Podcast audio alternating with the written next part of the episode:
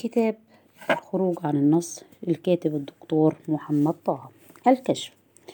وجود بنوينت الصوفي في فيلم سول ما كانش صدفة على الإطلاق لأن الصوفية والمتصوفة هم أكثر ناس وصفوا بكل تفصيل ودقة لحظات الكشف. ولأنهم أكتر من صال وجال وعرض واستعرض لحظات اتصال الجسد بالنفس وبالروح وبالكون كله. إزاي؟ إشمعنى؟ كلنا بيعدي علينا أوقات في حياتنا ننغمس داخل أنفسنا لدرجة الانفصال عن الحياة وده بيحصل بدرجات وأشكال مختلفة. من أول اللي بيسرح في مشاغله وهمومه واللي يتقوقع حول خوفه وقلقه واللي بيغرق في شهواته وملذاته وغيرهم وغيرهم. من الموجودين فيما أطلق عليه الفيلم مجازا أرض الأرواح التائهة. في بقى شوية حاجات ممكن تساعدنا نرجع لنفسنا تاني وتساعد روحنا إنها تسكن جسدنا من جديد. تعبير مجازي بالطبع. وتجري في عروق دماء الحياة مرة أخرى. من أهم حاجات من أهم الحاجات دي الصيام والسفر وسماع بعض أنواع الموسيقى والبقاء لفترة في مكان هادي معزول عن ضوضاء العالم وتشويشه وتمارين الوعي واليقظة. وبعض أنواع العلاج النفسي العميق كل خبرات التصفية الروحية والجسدية. وحاجة تانية مهمة اسمها الأزمات النفس الروحية. إيه الأزمات النفس الروحية دي؟ في عالم في علم ال transpersonal psychology علم النفس عبر الشخصي. في حاجة اسمها إيه الفيسيو.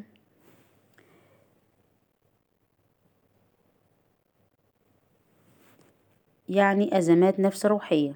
وهي عبارة عن بعض الخبرات اللي ممكن أي حد فينا يمر بيها واللي ممكن تكون فرصة ينفتح عليه فيها مستوى عميق وواسع جدا من وعيه.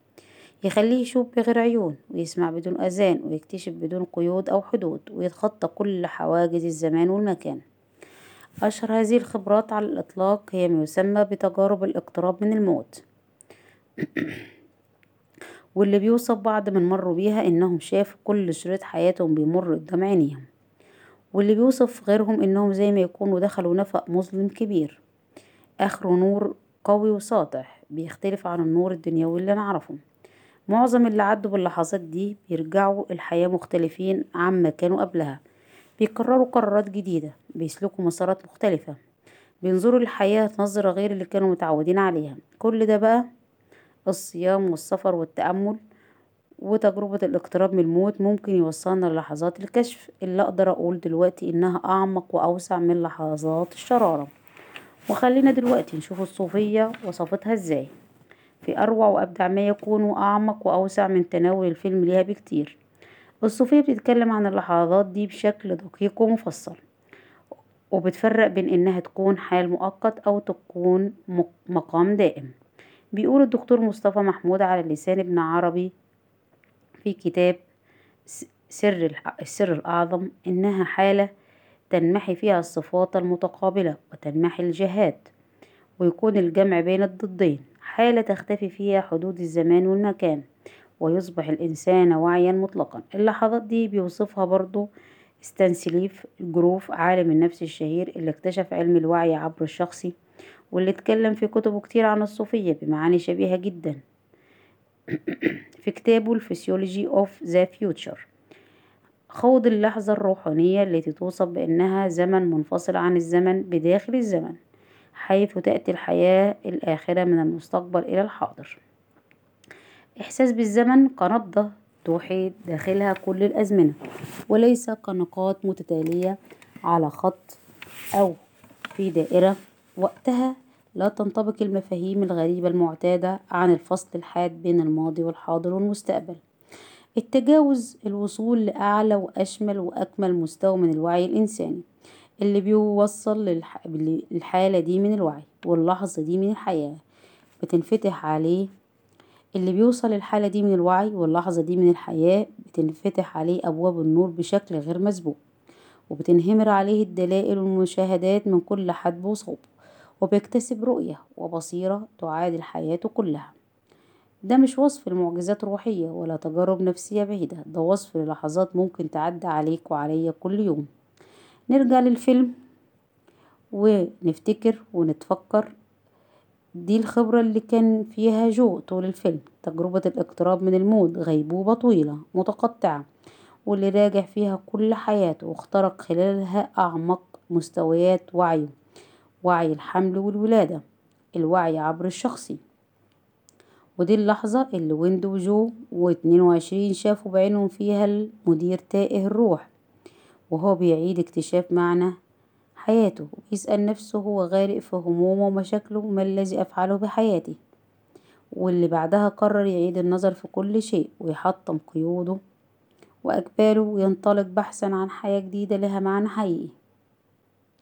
ده برضو اللحظة اللي توقف عندها جو في آخر الفيلم لما عينه وقعت صدفة على اللي كان في جيب بدلته واللي هو حصيلة ما تبقى من رحلة اتنين وعشرين لما كانت في جسده. وبدأ يستعرض كل خبرة عاشها جسده مع كل حاجة من دول واللي انتهت بأنه اكتشف وفهم وبكى وسكن. لحظات الشرارة لحظات الكشف لحظات النور لحظات تعرية النفس وارتجاف الجسد وسمو الروح. لحظات التحليق فوق السماء ورجليك لسه على الأرض. اللحظة اللي تشوف فيها كل حاجة كأنك بتشوفها لأول مرة.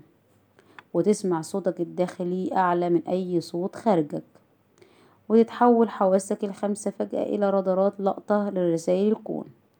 فاكر مرة في بداية حضوري فاكر مرة في بداية حضوري التدريبي لجلسات العلاج النفسي الجمعي إني شفت ضوء حجرة العلاج وكأنه زاد مرة واحدة لدرجة صدمت عيني وأبهرتها. ولما قلت كده في مناقشة ما بعد الجلسة دكتور رفعت ابتسم وقال لي دي بداية رؤية جديدة يا محمد. دي بداية الإبداع. هختم بجملة من كتاب الإنسان يبحث عن المعنى لفيكتور فرانكل. لا يوجد شيء في الدنيا يمكن أن يساعد الإنسان بفعالية على البقاء حتى في أسوأ الظروف. مثل معرفته بأن هناك معنى في حياته. تقدر تلاقي معنى حياتك في لحظة. تقدر تلاقيه في كل لحظة. تقدر تلاقيه دلوقتي. شوف كده. كل سنة وانت طيب. النهاردة واحد مايو. أتممت خمسة وأربعين سنة في هذا العالم وعلى هذه الأرض. رقم يخض ويحمل الكثير من المشاعر والآمال والمخاوف والاحتمالات. الخمس سنين اللي فاتوا كانوا من أثر سنوات من أثرى من أثرى سنوات حياتي. كتير من الوعي كتير من الاكتشاف كتير من التغيير النفسي والعقلي والروحي وكتير من القرب من الناس وأهم من كل ده كتير من الحرية. أعتقد إن أعظم حاجة ممكن تحصل جواك لما يزيد سنك ووعيك وتجاربك هي إنك تتحرر من سجونك العتيقة الخفية. واحد ورا التاني. تحررت الأول من القالب النمطي للطبيب اللي دافن نفسه في عيادته. ينزل لها سبع أيام في الأسبوع يقعد فيها أكتر ما بيقعد في بيته ويمحور حياته كلها حواليها. قللت عدد أيام عيادتي وعدد حالاتي اليومية وبقى معايا فريق من أفضل وأكفأ الأطباء والمعالجين النفسيين في مصر. تحررت من خوفي من انتشار الشعر الأبيض في راسي اللي هو أصلا خوف من الموت. قاومت صبغة, الش... صبغة الرأس وطلع كده أحسن بكتير. تحررت من كلام الناس ونظرة الناس وأحكام الناس. تحررت كمان من عقدة إني لازم أكتب باللغة العربية الفصحى. اللغة اللي بحترمها جدا بس مش بتكلم بيها ولا بسمع بيها ولا بفكر بيها. فكتبت بالعامية المصرية كتبت طب نفسي وعلم نفس وعلاج نفسي بأبسط لهجة وأسهل ألفاظ وخاضت دور النشر معايا المخاطرة بكل شجاعة علشان نعمل نقلة نوعية حقيقية في الوعي النفسي في مصر والعالم العربي. تحررت بعد كده من الرغبة في تلبية كل دعوة لندوة أو محاضرة أو لقاء في قناة. تلفزيونية أو محطة إذاعية أو مكتبة أو صحيفة أو موقع إلكتروني لزيادة النجاح والانتشار وهو هدف مغري جدا واكتفيت بفقرة واحدة ثابتة في قناة واحدة محترمة كانت أفضل ناقل وموصل لفكرتي ورسالتي بدون صخب أو ضجة. تحررت من كتير مما وجدنا عليه آبائنا وأجدادنا من صقورة شرقية خايبة تختزل الأنثى وتحتقرها وتسجنها في خينة حياتية في خانة حياتية واحدة اسمها الجنس. في المرة إما سجينة مخاوفنا الجنسية أو محققة أحلامنا الجنسية أو مشروع فضيحة جنسية. تحررت من أي حب أو سعي نحو اسم أو لقب أو منصب. ومانع نفسي عن الاستقالة من التدريس بالجامعة بالعافية. تحررت من أي نهم أو جري وراء ثروة أو مال. عايش حياتي يوم بيوم حرفيا. بدأت أتحرر من البدلة والكرافتة قدام الكاميرا وكمان البدلة والكرافتة اللي جوايا من الأكل الكلاسيكي التقليدي من كل معنى مزيف للحب. وكل تحرر فيهم ومنهم عامل زي خروج يرقة من شرنقتها الآمنة وانسلاخ بل سلخ الجلد من أجل تغييره. وانصهار معدن تقيل في بوتقة من النار والنور والألم. ولسه كتير. ولكن الأسبوع اللي فات كتبت بوست على صفحتي على الفيسبوك وكانت معظم تعليقات القراء ناقدة ورافضة ومهاجمة ليا. وبالرغم إني كنت متوقع قدر معين من المعارضة واختلاف الرأي لكن مكنتش متوقع أن يصل الأمر للدرجة دي. وبغض النظر عن محتوى البوستة ومحتوى التعليقات بس اللي حصل وراني نوع جديد من السكون. اللي مهم يكون عند عندي الشجاعة إني أتحرر منها والاستعداد لدفع تمن ده. سجن الجمهور سجن المتابعين سجن المحبين والمريدين. هتعمل إيه يا محمد يا طه لو اكتشفت ان متابعينك كانوا شايفين فيك مثل أعلى وقدوة وعاملين ليك اللي, اللي أنت حذرت منه على صفحتك ألف مرة. تقديس تنزيه طلوع للسماء هل عندك استعداد تواجه النص التاني من اللعبة؟ اللي هو ديفلويشن نزع القيمة. التهوين النزول لسابع أرض. هتعمل إيه في اللحظة اللي هيكون عليك فيها إنك تختار بين إنك تنافق جمهورك أو تكون نفسك. مش أنت مليت الدنيا كلام عن النفس الحقيقية والنفس المزيفة اللي هدفها إرضاء الناس والتكيف معاهم. قد إيه مستعد تخسر جمهورك؟ قد إيه موافق تختلف عنهم؟ قد إيه تقدر تصطدم بيهم؟ قعدت أسبوع كامل أسأل نفسي الأسئلة دي وغيرها لغاية ما شفت السجن وشفت قد إيه هو فعلا سجن وقد إيه ممكن يكون قيد على النمو وشلل الحركة. وأعتقد إني لقيت الإجابة. أنا مش قدوة مش مثل أعلى مش عايزة أكون قدوة أو مثل أعلى. أنا بني آدم ليا أفكاري ومعتقداتي اللي ممكن تثبت تثبت أو تتغير أو حتى لا تصبح أفكاري ولا ومعتقداتي ثانيا أنا بشر. من حقي أجتهد وأصيب وأخطئ وأتفق وأختلف. مش هينفع اتسجن في عيون الناس وأنا بعلم الناس ما يتسجنوش في عيون حد. مش هينفع أفضل عند توقعات غيري وأنا عمالة أوعي غيري إنه ما يكونش عند توقعات حد. مش هينفع أكون غير نفسي زي ما أنا بدعو كل نفس ما تكونش غير نفسها. لو كان التمن هو خسارة الجمهور فهو ده نفس التمن اللي بيدفعه أي حد أنا بطلب منه يكون نفسه. ده بيخسر أحيانا أقرب الناس ليه. أنا مش أحسن منه. لو كان المقابل هو الاصطدام بالناس فهو اصطدام بمعنى التقابل وجه لوجه وليس بمعنى التحدي. لو كان الحل هو إني أزين كلامي وأزيف نفسي فده السجن اللي مش هينفع أتسجن فيه ابدا. ولتسعني عيادتي وبيتي ومدرج محاضراتي. أن أملك نجاحا صغيرا أفضل من أن يملكني نجاح أكبر. أول اصطدام بيني وبين أستاذي دكتور رفعت محفوظ كان من حوالي 18 سنة.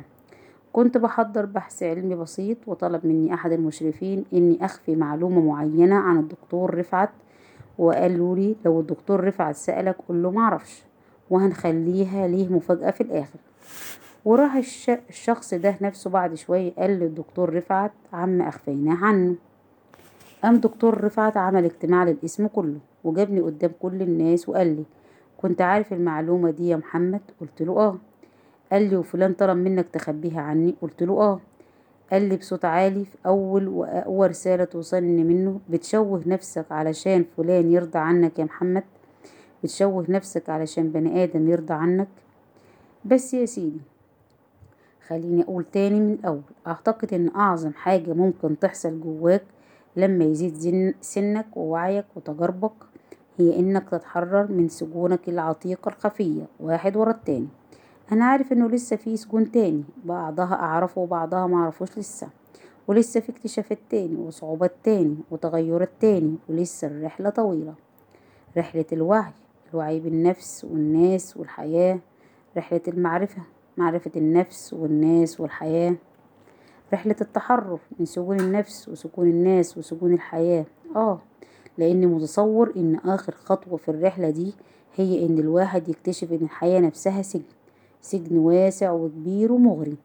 وأعتقد إنه عند اللحظة دي هيكون الموت له معنى معنى التحرر التام والدائم من كل سجن من سجن الجسد نفسه. يلا كل سنة وأنا طيب كل خروج عن النص وأنتم طيب وأنتم طيبين وكل عودة إلى الحياة وأنتم كمان طيبين.